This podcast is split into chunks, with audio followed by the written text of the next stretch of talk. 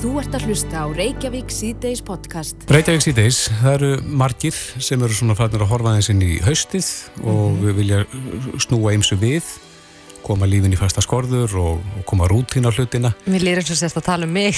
Nei, ekkert sérstaklega. En þó eitthvað? En Nei. þetta, þetta þekkist auðvitað að eftir sumari þar sem maður er búin að vera svona kannski aðeins uh, já, í minni rútinu Já, meiri sósu og svona. Meiri sósu og kannski einhverjir að fá sér bjór eða já. meiri pítsu eða eitthvað. Leifa sér meira. Leifa sér meira. Og svo kemur haustið og þá fer allt í, í fastar skorður eftir og þá eiga margina til að vilja taka eins til í mataræðinu kannski stundar meiri reyfingu Einmitt held að, að, að ég sé ekki einum það. Nei, en ég rakst hérna á grein sem að mér fannst hansi áhugaverð. Hún segir hérna af rannsókn þar sem að 6.421 aðili var semst undir í þessi rannsókn í 29 löndum. E, sá elsti sem að var e, þáttakandi þessi rannsókn var 95 ára og sá yngsti 8 daga gammal Já. Og e, vísendamenninni vildu komast að því hvort að grunnbrensla líkamanns breytist eitthvað með aldrinu. Mm -hmm. Það hefur auðvitað oft verið talað um það að, að uh, sko eftir einhvern ákveðin aldur, svona áfullurins árum að þá fara að hægjast á brennslunni mm -hmm. og þess vegna er fólk kannski erfiðara með að já, losna við ykkur kíló sem við viljum ekki hafa já. eða eitthvað í þeim dúr. Það hefur heilt þetta, mm -hmm. þess vegna vakti þetta aðtil okkar að uh, vegna þess að niðurstöðnum voru þær að að brennslan breytist lítið sem ekkert frá þrítúksaldri og upp í sjötúksaldur sem að er akkurat sá aldur sem að maður hefur haldið að, að breytingin ætti að vera. Mm -hmm. og til þess að líta eins á þetta með okkur erum við komin í sambandið Betur Reynis næringafræðing, kom til sæl. Komið sæl. Já, þú kíkti nú eins á þessa grein fyrir okkur og, og ert þú að kaupa niðurstöðunar? Já, ég, þetta var mjög aðteglisvert en ég er náttúrulega ekki búin að sjá rannsókninu sjálfa en ég var, ég er samtalið með evasendir sko, ég myndi mhm. alveg vilja, ég myndi alveg vilja gaggrinnana líka en, en aðferðin sem er nótuð er gömul og, og hérna er bara spurning hvort að, að hún hafi þessi áhrif á efnaskiptin, það er að mæla þess útskilna vass upp á orkunýtingu. Já. Þess að fólkinu gefið ákveði vatn sem er hérna í rauninni bara bætt við efnafræðilega þannig að það sé að mæla það þegar skilast út mm -hmm. og það er spurning hvort þessi aðferð fyrir skotthætt og hvort þetta sé málið að þetta sé aðal bremslu faktori. Já, en varandi þessa kenningu sem hefur verið, eh, já, talað um lengi að, að það hægist á bremslunum með aldrinum, er, eru til einhverjar, já, haldbara sannar því að þetta sé satt eða ekki? Já, þú segir nokkuð. Ég, sko, allan í ráðgjöfunu minni, þá náttúrulega skiptur oft máli hvernig lífi fólki lifir. Er það í streitu, er það í sveppleysi, þú veist, hvernig, hvaða fæðu tegundu velu fólk sér? Er það velja mhm. mikið konvertni versus mikið prótin? Þetta er eiginlega bara svo einstakli spundið. Já, Já þeir vilja meina það... Það er einstakli spundið hvernig við brennum líka. Ömmitt, en þeir vilja meina það að að ástæðan fyrir því að fólk kannski bætir á þessu aukakílum eftir aldrei sé að fólk bara borði meira á reyfi sem minna. Það sé ástæðan en ekki að, að brennsla mingi. Já, en auðvitað er hættan á því. Auðvitað er hættan á því að við förum að, og tökum við lífinu og förum í vinnu og förum alveg börn og, og hérna reyfum okkur minna og sinnum okkur miklu minna. Auðvitað er það einn ein áættu þátturinn. Mm -hmm. En það er bara svo margir þættir sem koma að lífstilnum og mér finnst ymmit að það megir ræði þetta betur og kenna fólki alveg í grunnskóla eða krökkum í grunnskóla hvað lífstil skiptir miklu máli alveg frameftir þú veist að hvernig eigum við að breyta, eða hvernig eigum við að taka skrefin? Hvernig mm. eigum við að hætta að reyfa okkur við fyrir mentaskóla eða veist, hvernig, hvernig skilabæði eigum við að koma til krakkana svo þeir læri og er með vittneskjuna alla æfi Já En fyrir þá sem að, að kannski hafa ekki já, lifað mjög helbriðu lífi svona framan af, er eitthvað tíma er, er á sent að byrja á einhverjum ákunum aldrei eða getur maður bara tekið upp allt annan og helbriða lífstil bara á sjötursaldri eða en setna? Ég held að það sé bara aldrei á sent Ég hef verið með fólki á mér ráðgjöf á bara öllum aldri og, og áttræðsaldri og, og öllum aldri og það er aldrei á því að auðvitað er markmið að lifa góðum lífskefi og ef að næringin hefur þau áhrif að við höfum það betur og okkur líður betur líkamlega þá er það bara þess virði að grýpa í það hamstra bara þegar, þegar maður er tilbúin. Mm -hmm. Er munur á kynnslóðinu þegar það kemur að þessu? Það er að segja, er, er elsta kynnslóðin, er hún minna meðvitið um til dæmis næring og, og slíkt? Já, ég sko, ég held eldri kynnslóðin bara treystir ekki, treystir ekki bara á innsæsi. Bara, ég segi oft bara við fólk, hvernig var þetta hjá forfeyðurinu, hvað borðuðu þið? Fólk er farað að minga við sem matborðar, botlasúpur, í hátteginu, þegar, þú veist, ég snýðum bara við, þegar bara borðið bara mat, hafið bara mat í, á, í bóði. Já, næringu. Held, já, bara næringu, því það heldur ofta því að það er þessi orði eldra og hreyfi sem minna þá eigið að borða minna. Mér, það er bara ekki rétt. Nei. Já, svona með við þessa rannsókna þá er það ekki rétt. Nei, en þú þarfst að nærast. Líka minn þarf að fá öll næringarefni. Það er ekki nóg bara að fá sér botlasúpu og rökkbröði í hátinu þú sér stórðin 75 ára. Mm -hmm. Það er ekki nógu góð næring. Nei. En eins og við töluðum hérna um í upphafið þá er, er svona haustið að bresta á og margir sem að ætla kannski aðeins að, að leggja grillinu og sósunum og, og snúa sér að aðeins heilbriðari lífstíl. Hvaða ráð gefur þeim sem eru svona að reyna að, já kannski að núlstilla sér pínu eftir uh, sök sömarsins? Ég held að sé bara stilla sköndunum í hóf og borða mat og fara út og lappa og reyfa sig. Það er ekki flokknar það? Nei, ég held nefnilega við erum stundum að gera þetta svo flókið og það er svo mikið um að hérna núna á bara vefnum, að vera alltaf vefnum, að alls konar gillibóðum, að alls konar námskeiðum, að alls konar aðferðum, ég bara treystið ykkur, treystið á ykkur sjálf. Borðum bara hotla mat og eins og líka með ykkar líðu vel með. Mm -hmm. Alltaf, það er einhvern veginn búið að taka af okkur þetta svona innsægi að bara treysta á okkur sjálf Já, þetta er, þetta er oft bara helbrist innsemi sem að það var áða fyrr Ég held það Já. og mér, mér finnst það rosalega oft þegar fólk er að segja við mig að kemur til minni viðtöl ég, ég vildi bara alveg hafa þetta svona en svo kemur eitthvað að segja en þetta á að vera hinsi og við einhvern veginn treystum alltaf ykkur um öðrum en okkur sjálfur mm -hmm. Eða mitt En Betta, við, við náum þér í sóttkvíð það ekki? Er einangrun? Við, ná, við náum mér í einangrun. Ég er hérna á sóttvarnahotellinu með COVID. Já, og hvernig líður? Mér líður reynda bara ágætlega, en eins og heyri þá er ég hérna, nefnmælt. En ég hef sloppið förðanlega vel, þannig að ég get ekki hvarta. Á hvaða degi ertu? Ég er á nýjönda degi. Já. Þannig að þú telur þið hafa sloppið nokkuð vel svona með að við enginnin. Já, og ég held bara, það skiptir allt máli. Ég hef náttúrulega hugsað vel um mig og, og borða hold og tek bætiðafni og ég held bara, já, já ég hef sloppið bara mjög vel. Varstu bólusett? Nei. Nei, óbólusett. Maður er svona eins og að segja játa sig glæp. já, þú ert allavega orðin vel bólusett núna þá. Já, akkurat. Já. Beta Reynis, næringafræðingur, kæra þakki fyrir að kíkja á þetta með okkur. Já, takk fyrir mig. Gangið vel. Þú ert að hlusta á Reykjavík C-Days podcast. Reykjavík C-Days á bylginu heldur áfram. Það er mikið búið að fjalla um í öllum helstu miðlum um, um neyðar ástandið í Afganistan. Já. Og uh, ásmundur Einar Daðsson, uh, félagsmálur á þeirra, mm. hann kallaði saman flottamannanemt til þess að, að uh, útfæra tillögur um hvernig væri best að bregðast við þessu ástandi. Já maður hefur heyrt uh, beðnir og ymsum áttum að, mm -hmm. að Ísland taki við flottafólki mm -hmm. úr þessu neðar ástandi -hmm.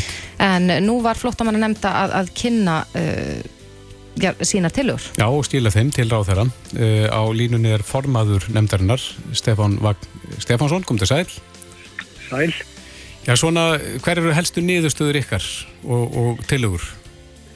Já, niðurstöðuna sem við skilum og voru tekna fyrir ríkistjórn í dag og samtvíktar voru, það er helstar að eins og ég segi við erum að horfa á, á svona neyðararkir það er hægt að gera til þess að bregðast sem fyrst við því ástandi sem uppur komið? Mm -hmm. og það er, erum við að bregðast við kallið NATO um að, að, að taka við eh, starfsfólki samtakana sem er, er í mikill hætti núna í Afganistan og önnur ríki hafa verið að gera slikt í saman, NATO-ríki. Þannig að við erum að taka múti hópi þaðan og, og erum að horfa á þá eh, starfsfólk sem var að vinna undir merkjum auðarreikisraðnættisins eða með okkur Íslandingum á Kabulflugulli sérstaklega en, en, en, en þetta er þessu starfsmenn NATO. Síðan erum við að horfa á hóp sem var hér í jafnbrettisskólanum, tengslega Háskóla Íslands, það eru konur og eitt karmaðil tíu manns í heldina sem við erum að taka bjóða að koma hingað mm -hmm. ásamt fjölskyldum. Og síðan eru þetta þá verið að horfa sömu leiðis á fjölskyldu saminningar, það er að segja þeir einstaklingar sem hér eru komnir komnir með búsettu og eiga rétt á, á fjölskyldu saminningum að, aðilar úr þeirra kjarnafjölskyldu séu en þá í Afganistan þeir fái þeim verði flýtt eins og kostur er. Og það verði sett auki fjármagn inn í kerfi til þess að, það sé hægt að bregðast við því eins rætt og hægt er. Mm -hmm. Við rættum í... Þetta, uh, það er áallega að þetta séu svona um 120 mann sem að, sem að gætu verið í þessum hópi. Já, við rættum í gerð við konu sem er gift uh, afgönsku manni sem er íslenskur ríkisborgari og, og hún var í raun og veru að tala svolítið fyrir hönd uh, þeirra afgana sem að búsettir eru hér og, og, og eru íslenski ríkisborgarar og þau kalluður hann verið eftir því að fjölskyldum þeirra eru bjargað. Getur verið að eitthvað af, af þeim einstaklingum geti fallið undir þetta með fjölskyldu samininguna? Já, það er alveg skýrt e, sko hverjir eiga rétt á þessari fjölskyldu saminningu og það eru þá nánustu börn og makar þeirra sem hér eru. E, það er alveg rétt eins og við höfum fengið e, sko beðnir um og, og það hefur verið rætt í fjölmjölum að reyna að útvíkka þessa, þessar fjölskyldu saminningar ennþá meira. Það er að taka við þá starri hóp, sískinum og, og mögum og börnum þeirra. Mm -hmm. uh, þetta er eitthvað sem þarf bara að skoða og, og það er uh, félags- og ríkistjórnin hefur samþýgt að það verði skipaðu starfshópur til að skoða þetta en uh, það er alveg ljóst að sáhópur sem er undir þarna er gríðarlega stór Já. og mjög fjölmenn og, og, og það verður það verður erfitt. En, en, en maður skilur að sjálfsögða ákall þessa hóps og maður myndi sennilega og ekkert sennilega maður myndi gera það sjálfur ef maður væri í þessari stöðu. En við verðum bara að skoða hvað er hægt að gera núna Uh, síðan er náttúrulega hægt, er, eh, er náttúrulega, ef maður horfir aðeins lengra fram í tíman eins og ég hef sagt, þetta er ekki, þetta eru bráða aðgerðunar. Uh, við þurfum að skoða síðan hvernig bregðust við, við þessu ástandi til lengri tíma, til langframa og það er hægt að gera það í gegnum þá kvótaflóta kerfi sem við erum með núna. Einmitt. En uh, það er eitt að velja hópin og, og sem að verður eflaust erfitt verk en hvernig verður þetta síðan tekið á móta þessum hópi hér? Hvað aðstof fær hópinu þegar hann kemur hingað? Við erum með þessa samrandu mótöku flóttafólks og við gerum bara ráð fyrir því að, að, að þessi hópur komi þar inn. Og það er líka hluti af þessu verkefni að, að reyna átt að segja á því hvernig, hvernig getum við eh, orðið besta liði. En, en við erum með kerfi hér eins og ég segi sem að mun grípa þetta fólk og það skiptir verulega miklu mála við höldum vel utanum, utanum þennan hóp sem við erum að fá hérna heim. Já, en hvernig kæma hann hingað þeim? Er því samstarfið síðan við önnur ríkjum að fljúa þessu fólki hingað? Já, það er nú eitt af verkefnum sem þarf að útfæra. Það er komin þessi loftbrú. Við vitum það að Norðurlanda þjóð Danirnir eru með loftbrú frá Kabul til Íslamabad og það er til Kaupanahafnar. Það er möguleika að reyna að koma þessum fólki einhverjum hluta hópsins þar En það er alveg rétt. Stóra verkefni og eina stóra áskorunum í þessu stóra og flokna verkefni er hvernig ætlum við að nálgast þetta fólk og hvernig ætlum við að ná því út úr landin. Það er eitt að bjóða því að koma en annað, annað að koma því. Já, kemur þetta ekki reyna að leita til íslenskara flugfélaga eins og Æslandir eða Play um að leita til vélar? Við erum bara ekki komin á þann stað ennþá og, og þetta er bara, eh, eins og ég segi, það var verið að samþykja þessar tilugur í ríkistjórn núna bara í morgun Mm -hmm. og, Hver er tímarammin? Tímarammin er náttúrulega bara, við þurfum að vinna þetta gríðalega hratt. Það er öllum, öllum ljóst að, að, hérna, að tímin vinnur ekki með okkur í þessu. Þannig að ég, ég gerir bara ráð fyrir að við munum uh, vinna þetta eins hratt og kostur er. Er það þessi tímarammi sem að talibanar hafa gefið til 31. ágúst? Já, það er allavega eitthvað sem við þurfum að horfa á. Það er alveg ljóst. Mm -hmm. Það veit enginn hvað gerist eftir þann tíma. Nei, En þú talar um að þetta, þetta er þá í raun og veru fyrstu viðbröðun við þessu neyðar ástandi sem ríkir þar en, en uh, að svo veri settur saman hópur til þess að skoða framhaldið. Já, bæði til þess að skoða framhaldið og, og raun og veru til þess að skoða hvernig getur við uh, klára þetta verkefni, hvernig, hvaða úrræði höfðu, hvaða leiðir höfðu til þess að nálgast þessa einstaklinga og, og, og koma þeim öruglega hinga heim. Eru skildur okkar ríkari vegna þess að við höfum tekið þátt í þessu starfi þarna í Afganistan? Ég svo sem ætla ekki að segja neitt um það en ég finnst bara skildur okkar sem þjóðar vera ríkar gagvart þessu ástandi sem það er. Við erum að tala um einstaklinga í gríðalegri neyð og, og, og bæði okkur og öðrum þjóðum finnst mér að beri skilda til þess að hlaupun tilbaka þegar svona ástand er, er, er uppi. Mm -hmm. Stefán Vagn Stefánsson, formaður flóttamanna nefndar kæra þakki fyrir þetta. Sjálfsagt, takk. Þetta er Reykjavík C-Days podcast. Það er ívændi gangur í bólusetningum. Og bólusetningu barna Akkurat. sem var nú standið yfir í höllin og það var mótmælandi sem að setti pínustriki rekningin í morgun. Já, svo sannlega, hann let ókvæðis orð falla að fóreldrum sem að byði þarna í röð fyrir utan lögadarsöllin áleið með börnin síni í bólusetningu. Já. Og það var nú svona ímislegt í hans máli sem að okkur langar svona að staldra hans við. Já, og fá svör við. Akkurat, hann talaði þarna svolítið um S1 prótein og svo sagði hann að- að þetta væri manngert efnavopn, þessi, þessi bóluefni. einmitt. E, á línunni til þess að ræða hans þessi mál er maður sem hefur nú rætt við svolítið í gegnum þennan faraldur, Jón Magnús Jóhannesson sérnámsleiknir í livlækningum við e, landsbytalan, kom til sæl. Komið vel. Já, ef við byrjum á S1 próteininu sem hann segir að sé manngert efnavopn, Hva, hvaða prótein er þetta? Já, bara í stundmáli þá er það einfallega ekki rétt en ef við förum bara örstuðt yfir þetta því að þetta er allt ramt í málan svo, svo sem þurfum ekki að standa lengi við en byrjum á S1-prótinu S1-prótin sem hann er að vísa í er hluti af brottprótinu koronavirunar sem veldur uh, í, þessu tilfelli COVID-19 svo SARS-CoV-2 er orsakavaldurinn uh, og þær veirur eru með á yfirborðinu. Brottprótin sem finnst við okkur frumur og er eins og líkil til ás hjálparveirun að komast inn. Uh, þetta er tvískipt prótin svo það er með S1 undirreiningu og S2 undirreiningu. Og það sem bóðefnin gera er að þau hjálpa okkur að búa til ónumisvar gegn þessu próteni uh, sem sagt með því að láta frumur okkur myndi stuttum tíma þetta próten við myndum ónumisvar gegn því og eru þarlendi varin gagvart uh, orsakavaldi COVID-19. Nú uh, þetta próten er bara einfalla veiru próten og það sem við erum að gera er að búa til bara þetta próten ekki neitt annan hluta veirunni til þess að við getum verið með vörð gegn veirunni á þess að þurfum að fá sjúkdómi og ég meina í stöftu máli þá bara í ljósæðis að þetta er bara bútur af prótinu sem við erum að láta okkur mynda þá í fyrsta lagi er þetta ekki efnavó þetta er bara prótinu sem við erum að reyna að mynda vörð gegn eins og önnum bólefni.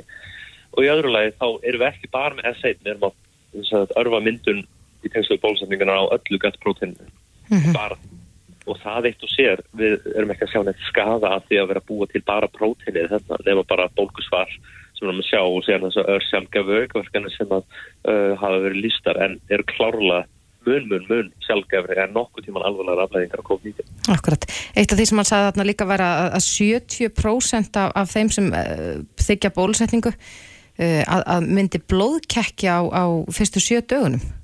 Já, það er aftur ekki rétt, það er mögulega tvær ástæði fyrir að hann myndi segja þetta. Annað væri bara það að vera hreinlega að dreifa líja að fólk er að fá svona blóðkekk þá verður að tala um að mynda blóðtappa kjarnan í þessu samengi, það er bara ekki rétt við erum ekki að sjá það nokkuð tíman uh, blóðtappar eru uh, hafa sest í öðsjöld gæfum tilfellum af AstraZeneca Janssen bólöfnunum mjög sjálfgeft og náttúrulega COVID-19 veldur mun hjarnar uh, blóðtappamyndum en uh, síðan eitt annan möguleiki er að ein leið til þess að mæla mótenni af fólki er sagt að gera kekkina próf. Og þá setjum við síni frá einstaklingi þar sem er möguleg mótefnir til staðar, setjum það saman með svona testu gröð blóðkorn í svona tilurönglasi og sjáum hvort að þau kekkjast. Og það segir okkur hvort að mótefni sé til staðar ekki, þetta er bara algengt próf, kekkina próf. Og kannski hefur uh, einstaklingur lesið þetta og mistúlka þetta sem að bróður sig að kekkjast í okkur sem er alls ekki rétt. Mm -hmm. Við erum svo þarna ekki að sjá það. Akkurat. Já, þannig að hann hafði ekki mikið til síns máls þessi maður.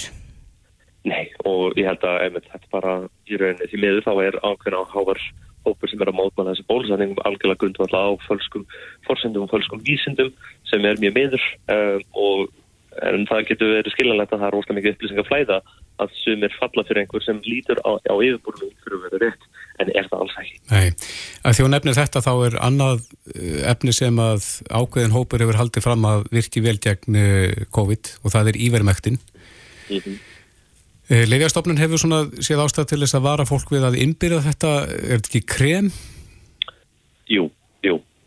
Þetta er krem sem, sagt, sem er notað við uh, rósflóða sem er húsjúkdómur og það er ákveðin virkni sem að ívermektin getur veitt í rósflóða sem getur mögulega verka með minga bólku og þá hefur greinilega, ég þekk ekki smáatrið málsins eða smáatrið hjá þeim sjúkningum sem að þá greinilega vera innbyrða þetta en þá hefur einhverju verið innbyrða þetta krem um munn sem er óskynnt á þetta mörgum ástæðum. Í fyrsta lagi þá er áfram virkna æfurmæktin eftir staðfæst og ég og Magnús Karl Magnússon læknir skrifum svaravísinu vefnum um þetta nákvæmlega þetta efni nýlega og ég mæli með því að lesa það og þar eru vísinin sett upp sem líka þar baki og það er einfallega ekki ástæð til að nota þessi efni utan alls svona aðstöðana eins og er. Mm -hmm. En það má ekki heldur geimast að krem eru gerð til útvortis nótkunar og það eru efni í sumum kremum, mörgum flestum kremum sem er ekki skynnsamlegt að innbyrða að því eru ástæða þau eru ekki gert fyrir það. Svo að það getur verið skadsemi út frá lifinu vissilega en það getur líka verið skadsemi út af burðarefninu sem eru í kreminu og það er ekkert síður eitthvað sem maður þarf að hafa okkur af og þetta er bara ekki gert fyrir þessu nótkunn og það er bara átrúlegt að það sé verið að ávinsa í þessu nótkunn. Það er það sem er ráðlagt og við þekkjum. Já, en þetta, þetta efni ívermettin hefur nú verið í umræðin í eitthvað tíma hvaðan heldur að þessar upplýsingar komi, þessar röngu upplýsingar um að þetta virki gegn COVID? Það eru margar rannsóknir sem hafa verið byrtar og getar út um virki æfirmæktin, mjög margar litlar rannsóknir og sömur hverjar slempir að það eins og köllum það sem fólki sett í einn hóp sem fær æfirmæktin og annan hóp sem fær hlutleysu eða annars konar bara heldunum með þar og þessar litlar rannsóknir hafa gefið íspendingar um virkni og það sem vandin er að það hefur verið sett ofur trú á neðstöðu þessar öru lítilla rannsókna uh, með þeim afleðingum að fólk hefur bara gert svona kemsta að þetta sé nota og virki. Eða það eiga nota þetta og þetta virki. Og það leiðir til þess að einmitt, margir halda að þetta virki á grundvelli í rauninni alls gagna sem betta alls ekki til þess. Þetta er gefa það íspenningur um og það er mjög flókið og skiljanlega það er það er ekki eins auðvöld að lesa rannsóknar margir halda og tólka þér ég menna, læknar geta mist tólka rannsóknar ég hef lesið og átt mjög með að tólka sem rannsóknar áður.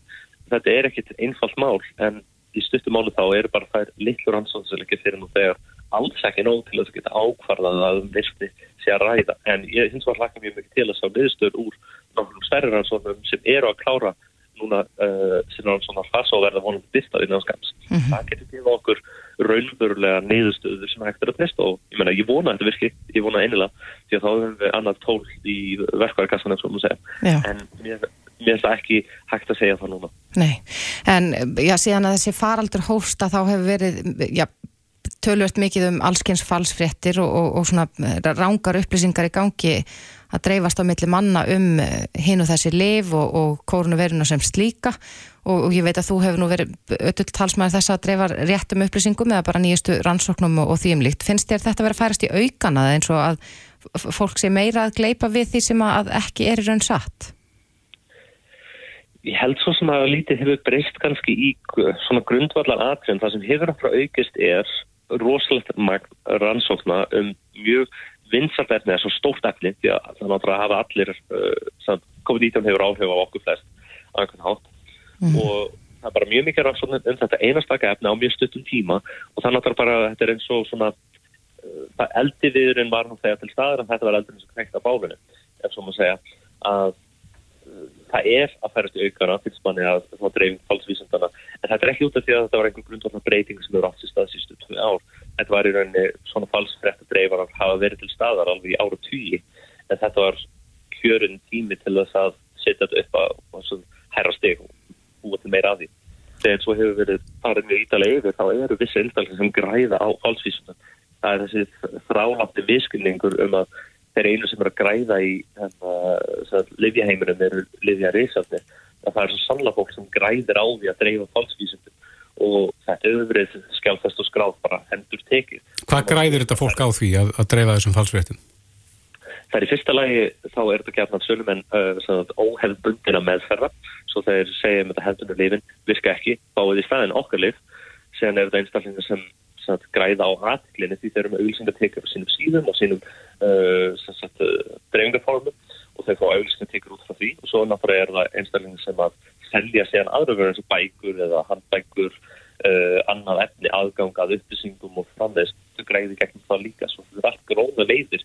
Og þessi svona það, það var svona fyrir nokkur talað um svona á ennsku disinformation doesn't tóku einstaklingar sem eru rót kannski 60-70% allra falskar upplýsingar sem eru að keirast uh, gangu um COVID-19 þau öll græða á þessu með einum eða öðrum hætti og meðal annars með þessum með Já. og það má bara ekki gleyma að það eru fjárhanslega öll í allar áttir, ég ætla ekki að gefa lifiðina um afslátt menn það er mjög margt og eiginlega flest sem er gróða drifið og það er margt sem hefur uh, sem sagt, uh, sem sagt, margt slæmt átt sér stað vegna þess að gróðdreifna afla svo ég er alls ekkert einhver stór stiðjandi bygg farma en bara muna að það eru fjárhanslega öll í öllum uh, sagt, öllum hliðum á þessar umræð Einmitt.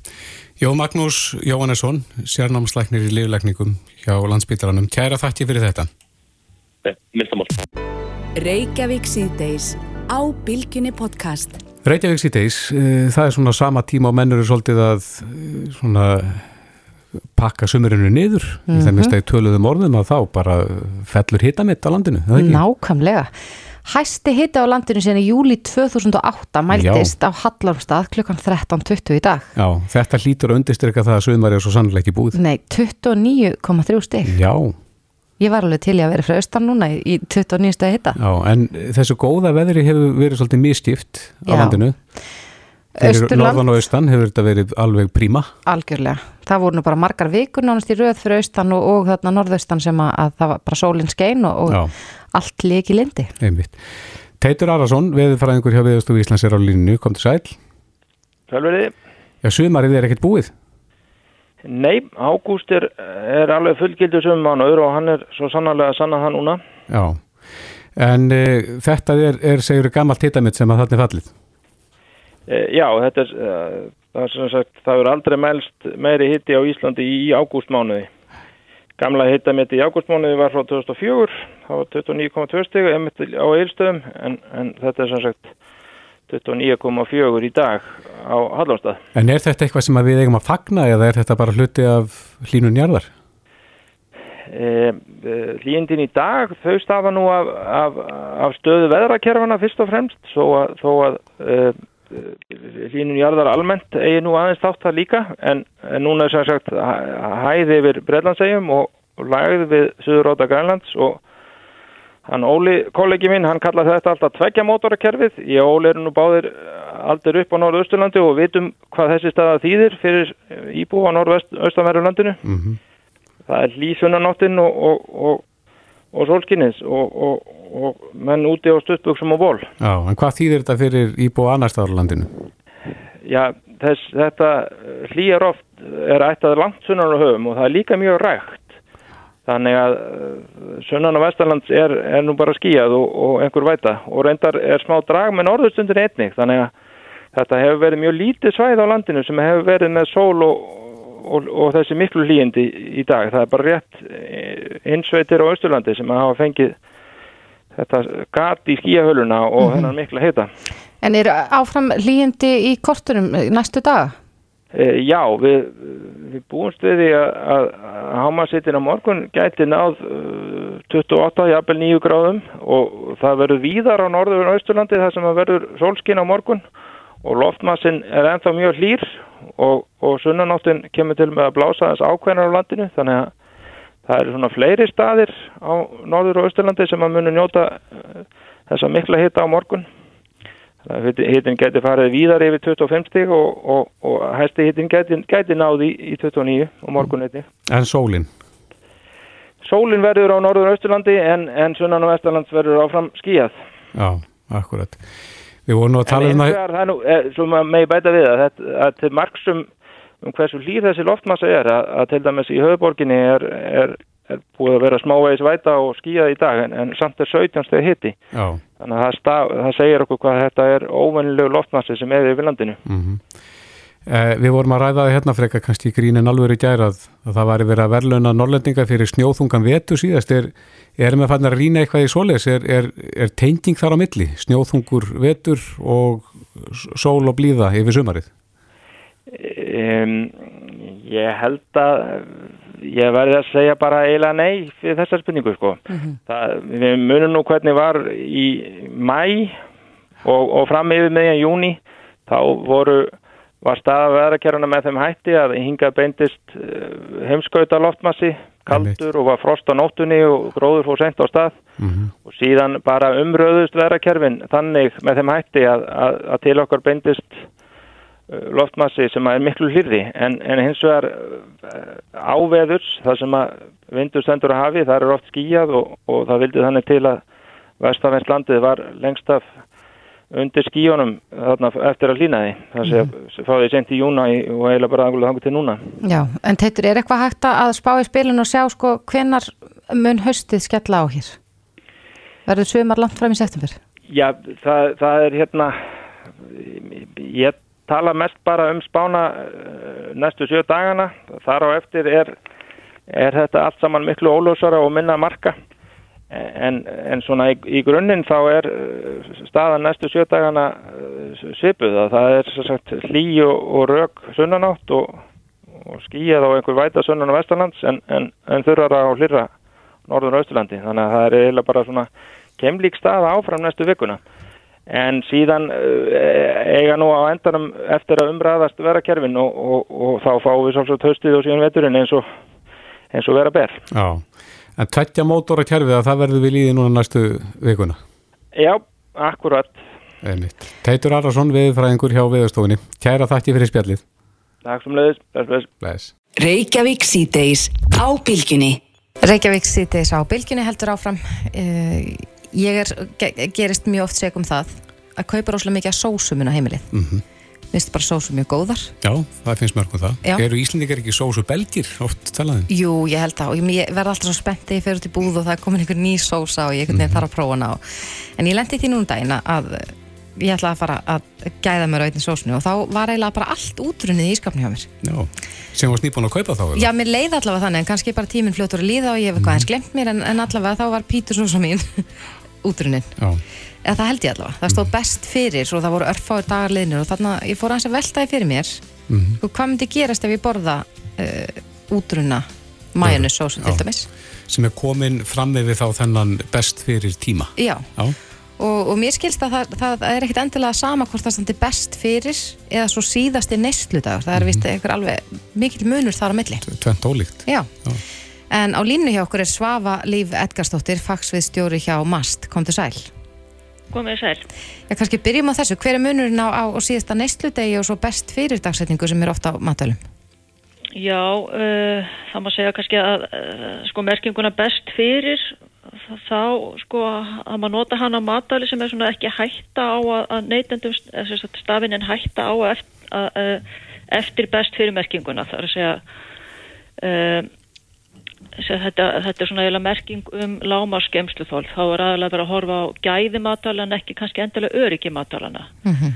og þá er þetta svona spurning hvort hún haldi gæði sínum, kannski þotnar ekki þránar, kannski eitthvað aðeins súrnar en, en hérna Já, sé, hún, hún getur kannski þótt að þrána súrna en, en verður kannski ekki hættulega sko. Nei, þannig að mann verður kannski ekki mynd af því að, að borða eitthvað sem að já, er Nei, best fyrir. Nei, ég vil eitthvað ekki sko. Nei. Svo það er náttúrulega að taka til þess að þessi kæli var eða ekki en svona með síðast í neysluta það eru, það er þá kannski oftast kærur veru líka sem eru mjög viðkvæma fyrir örveruversti og, og, geta þá innihaldi svona sjúktasaldandi örveru sem að fjölga sér á gemslóstímanum og uh, jafnvel geta orðið hættuleg helsu án þess að við merkjum það á svona lykt og bræði getum mm -hmm. kannski ekki nota nefi svona eins og oft með uh, matali sem eru merkt með best fyrir merkingu Getur þú gefið okkur eitthvað dæmi um slík matvæli? Eru þá að tala um sko, kjötvörur eða kjúkling eða eitthvað annað í þeimdur?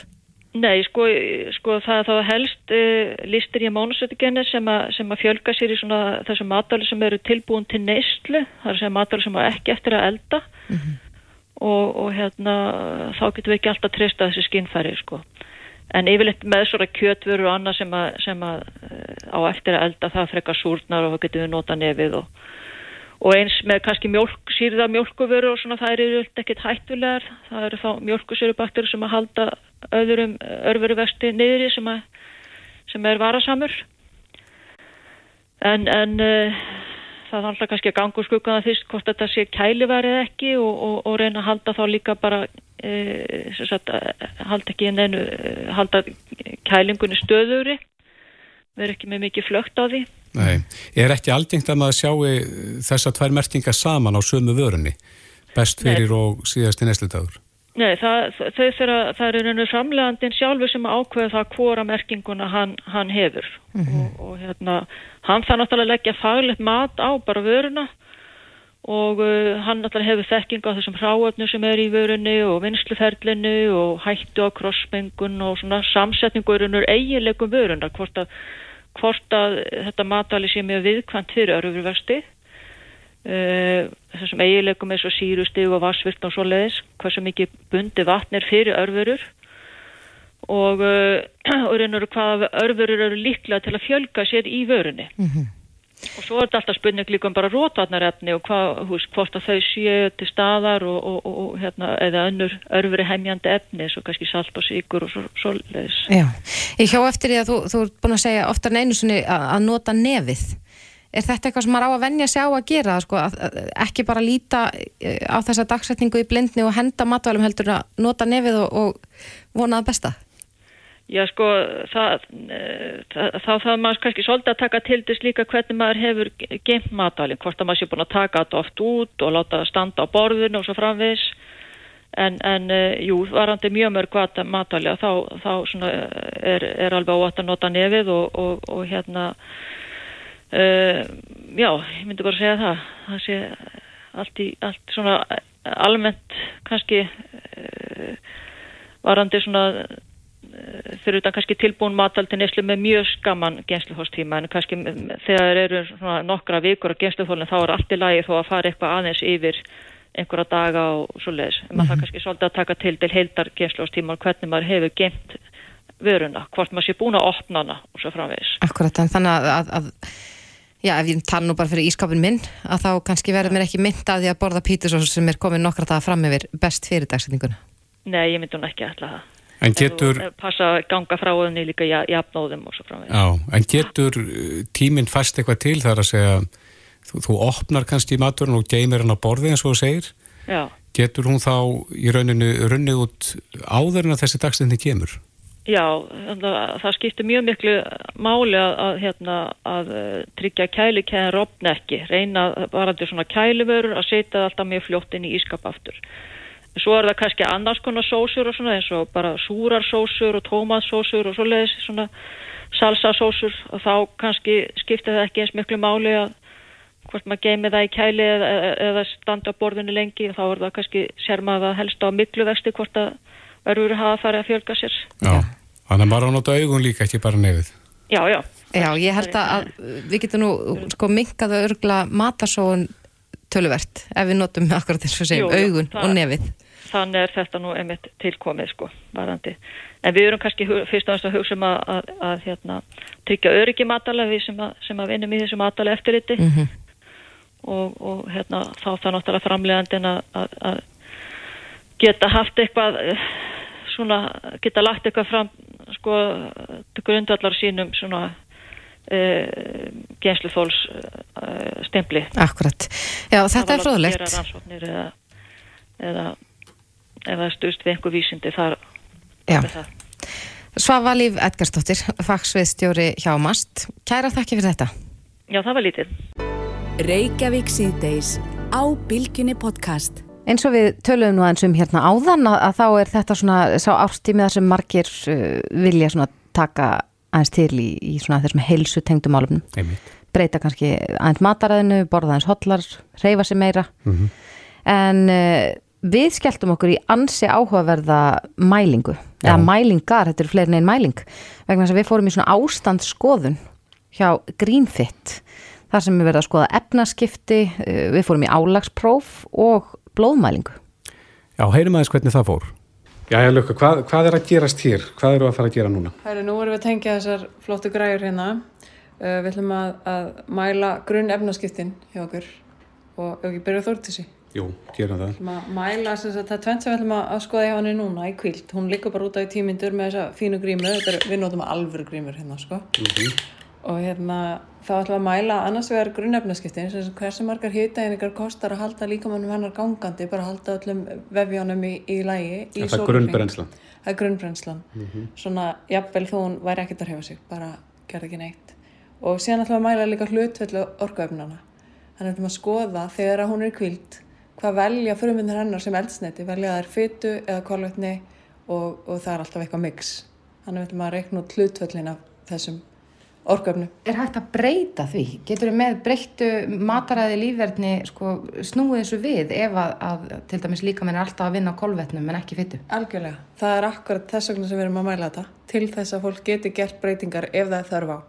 Ef þú kemur rosalega vel út þá bara heldur þínu lífstíl áfram en ef það er eitthvað ábúta vant þá er, er tækifæri til breytinga. Og þetta gerist tilturlega fljótt. Líka með þess að magna fyrirbæri, hann svarar okkur bara strax ef við komum vel fram með hann. Eh, Lukka, nú er Þórtís komið með græjun á sig. Hvað, hvað sérðu hér á stjánum? Já, við getum aðeins svona kíkt í þetta smáglöggi á meðan hún liggur hérna með grímin á sér. Hún sagðist vera eitthvað stressu þannig að hún var leggst niður, sér hún var með hjarsláttinn hérna í 68-70 þegar hún var leggast niður. Nú er hún alveg róleg. Hún er, hann fór niður í 66 hérna, 64, 62, sér hún slaka, bara slakar.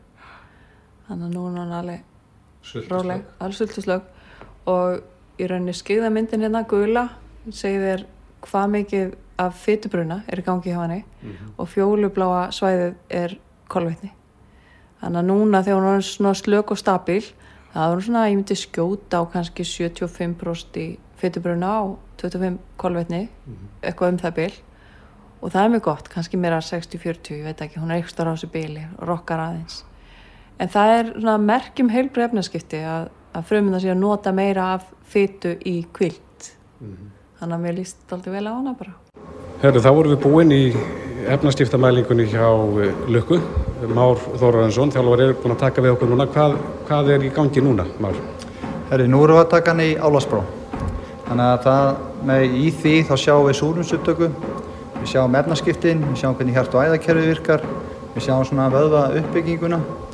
Þannig að uh, við sjáum, já, í raun og veru er þetta mjög góð uh, niðurstaða eða bara svona almenni heilsu. Þannig að hún er á göngubretti þetta núna að, að ganga. Fólk hefur líka valum að hjóla, eða ekki? Jó, við erum með bæði hjól og, og göngubretti. Þetta er fyrir svona meiri eftir hvað fólk vil þjálfa eða æfa í framhaldinu eða út í göngum, eh, gönguhópum eða hlaupahópum eða utanvegarhlaupum eða í hjóluröðum eða í hvaða reynu íþrótt sem er þá getum við stilt svolítið álæg hjá hverjum og einum eftir sinni getu. Þannig að eins og ég myndist á við kollegaðin erum við að hægja á örgulega 70-80% af þeir fólki sem kemur inn. Við erum svolítið að stilla æfingálægið af. Fólk sem er þá að þjálfa of mikið eða of mikill ákefð. Já, það er eiginlega langt flesti sko. Við sjáum það í þessu testi hvort þú hafi verið að æfa á, á miklu álægi. Því að það er og verið, fólk er ekki ná árangri sem er þar. Það er svona stendur í stað og, og meðslahættan er meira, það sækir meira í kolvetni og þeir sem að fara eftir okkar ráleggingum hafa náð bara ótrúlegum árangri með því að hægja á sér og fara að anda með nefn og slaka á. Já, að nú erum við búin að fara svolítið yfir e, stöðuna á okkur báðum, svona ef við strykum undir. Já, við strykum undir, e, það er, þeir eru alltaf bæði að koma mjög vel út, þeir eru bæði bara heilbrið og í mjög góðu standi en Þórdís má taka D-vitamin og borða eitthvað játtryggt og, og jafnvel þá taka bætefni sem eru játtrygg ef, hún- ef hún vil ekki elda lifur og, og hjörtu og innmat og, og svona eins og við gerðum í gamla daga og þú mátt, hérna, Kristoffer um, betur, hvað var það hjá þér? Drekka meira vatn. Já, Kristoffer, þú mátt huga aðeins að, að vöka stjórnun, drekka meira vatn og aðeins meina kaffi og jafnvel bæta steinefnum og, og söltum í, í vatnið svo það nýtist betur í líkamannum og Borða spýrur. Já, og svo viljum við gætna gefa þér eh, svona næringar þéttan mat, þannig að spýrur væru einhugmynd, að því að allt ungviði það er svo þétt af næringu og spýrurnar eru með alveg dundurskamt í, í litlu magni af, af fæðu, þá eru að fá alveg dundurskamt af andóksnaröfnum og vítaminum. Þannig að þú mátt gætna gera það til að svona verja þig fyrir svona játn uppsöfnun. Hlustaðu hvena sem er á Reykjavík C-Days podcast. Jæja, Reykjavík síðdeis, ég var að kíkja aðeins á þennan dag. Já, gerum það. Ég eh, heyrði aðeins í heilbreyðsráþraðan Já, og hún sagði mér það að hún á afmældag. Svandi Svarsdóttir er 57 ára. já, við óskum henni til hamngjum í daginn. Já, hún var á leiðinni heim þegar við rættum saman og var að fara að baka vöflur fyrir uh, sína nánustu. Já, það eru skoteldar. Við það, það, En við óskum ráðherra til hamngjum í daginn. Herru, svo rakst ég hérna á að þetta er stór dagur í Íþróttasögu landsins því að þennan dag, árið 2008, þá vann Ísland silfurverlun í handbolta á olimpíuleikunum í Peking. Já, þetta er söguleg stund. Já, og Lógi Gersson, hann man nefnlust vel eftir þeim tíma. Sæll Lógi, Sæl og blæsaður. ef ekki að segja til hamngjum í daginn? Jú, er það ekki. Þetta er, þetta er eiginlega svona uh, minnistæðara heldur þegar börnin fættust, sko. Já, Nei, farðaðist, ég segi nú bara svona. en farðaðist með okkur í huganum til þessa dags. Hvernig var dagurinn? Er þetta dagurinn sem við unnum spánverjana eða er þetta dagurinn sem við tókum á móti silfrinu? Ég er ekki alveg viss. Þetta er bara silfur dagurinn sjálfur. Við sigruðum, uh, já, töpuðum enda fyrir frökkum en, en lendum í öðru sæti. Já, já, þetta var náttúrulega stórkoslu upplifun og, og hérna, þetta er eitthvað sem að maður gleymir aldrei. Nei. Var svettjandi að, að, að tapa móti frökkum? Uh, voruð þið með augun á gullinu? Já, ég held að það er nú margrætt að við ætlum okkur að komast í uh, úslita leikin og komast á pall og svona, við vorum ekki búin að sjá fyrir okkur hvaða lit við vildum hafa á metalínu. Nei. Við höfum svolítið verið að svekja ykkur á því eftir á. En þetta var auðvitað stórkostli stund og við unnum spánverðana að þá og komumst í úrslita leikin þá náttúrulega fylgist allir heimurum með þessu. Þetta var svona cool runnings ævintýri. Mhm. Spánverði voru nýbúinir að vera grindir heimsmyndstar 2005 og voru búin að vera að vera eitt besta liði í heiminum og við að slá það út þarna. Þetta var alveg stórkostlu, stórkostlu dagur bara fyrir íslenska íþróttasögu. En það sem fylgdi var líka ekkert síður stórkostlegt að var tekið á mót ykkur uh, við hátilega aðtöfni hérna heima og, og svo náttúrulega fenguði þetta nafn Silfur drenginir. Já, þetta, þetta var þóttir náttúrulega mjög merkilegt að við vorum í hópíþrótt eh, minnsta þjóð sem hafði unni til veluna í hópíþrótt frá upphafi. Þannig að þetta var svona, við vorum að brjóta blað í sögunni og ég mann og eftir þegar við vorum að fara að koma heim og það verið að tala með eitthvað fyrir að taka mót okkur og fljúa þóttin yfir Reykjavík að margir voru bara, nei, er það?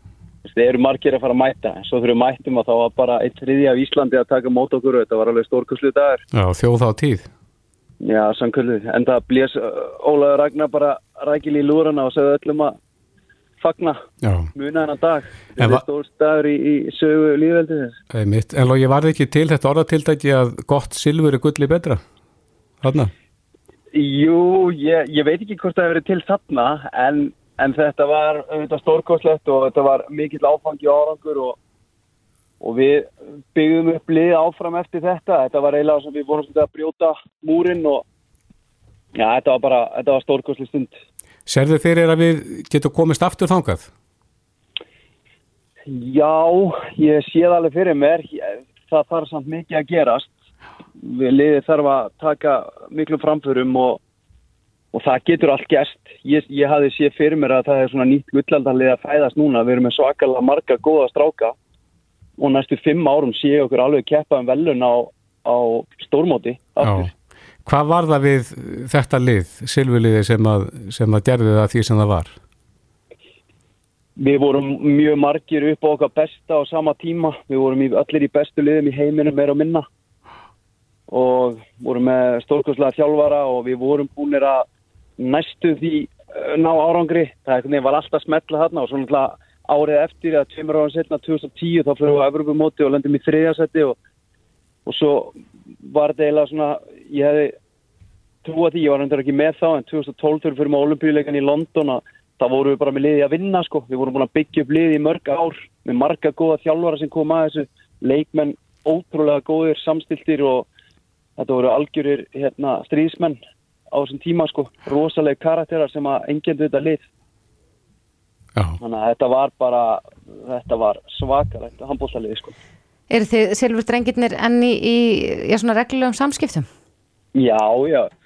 við hittust alltaf regla og fáum sömu postana og svona frá Íþrótt og Ólandsbíðsambandinu um gólmót og hitt og þetta og svo náttúrulega hittust við á förnum vegi en það er samt ekki enda búið að halda upp á þetta og ég svolítið sé eftir því að, að hérna, ég vilja hérna 2018 að það hefði verið 10 ára ammali, ég, ég hef verið til í það sko, taka almeinlega svona, já, fagna þess og hittast allir strákan en við eigum það bara eftir. Já, 2023, 15 ár. Já, 15 ár, ég bara, ég vissum að háa sér að hlusta og þeir setja eitthvað í gang og láta okkur alla hittast aftur og, og faðmast og svona. Voru, þetta voru stundir sem maður gleymir aldrei í lífinu. Einmitt. Lógi, takk fyrir að spjalla við okkur og við segjum bara enn og aftur til hamingi með daginn. Egi, góðan dag, sömulegis. Sömulegis, bless, bless. Bye. Og þá erum við að skrýði mark.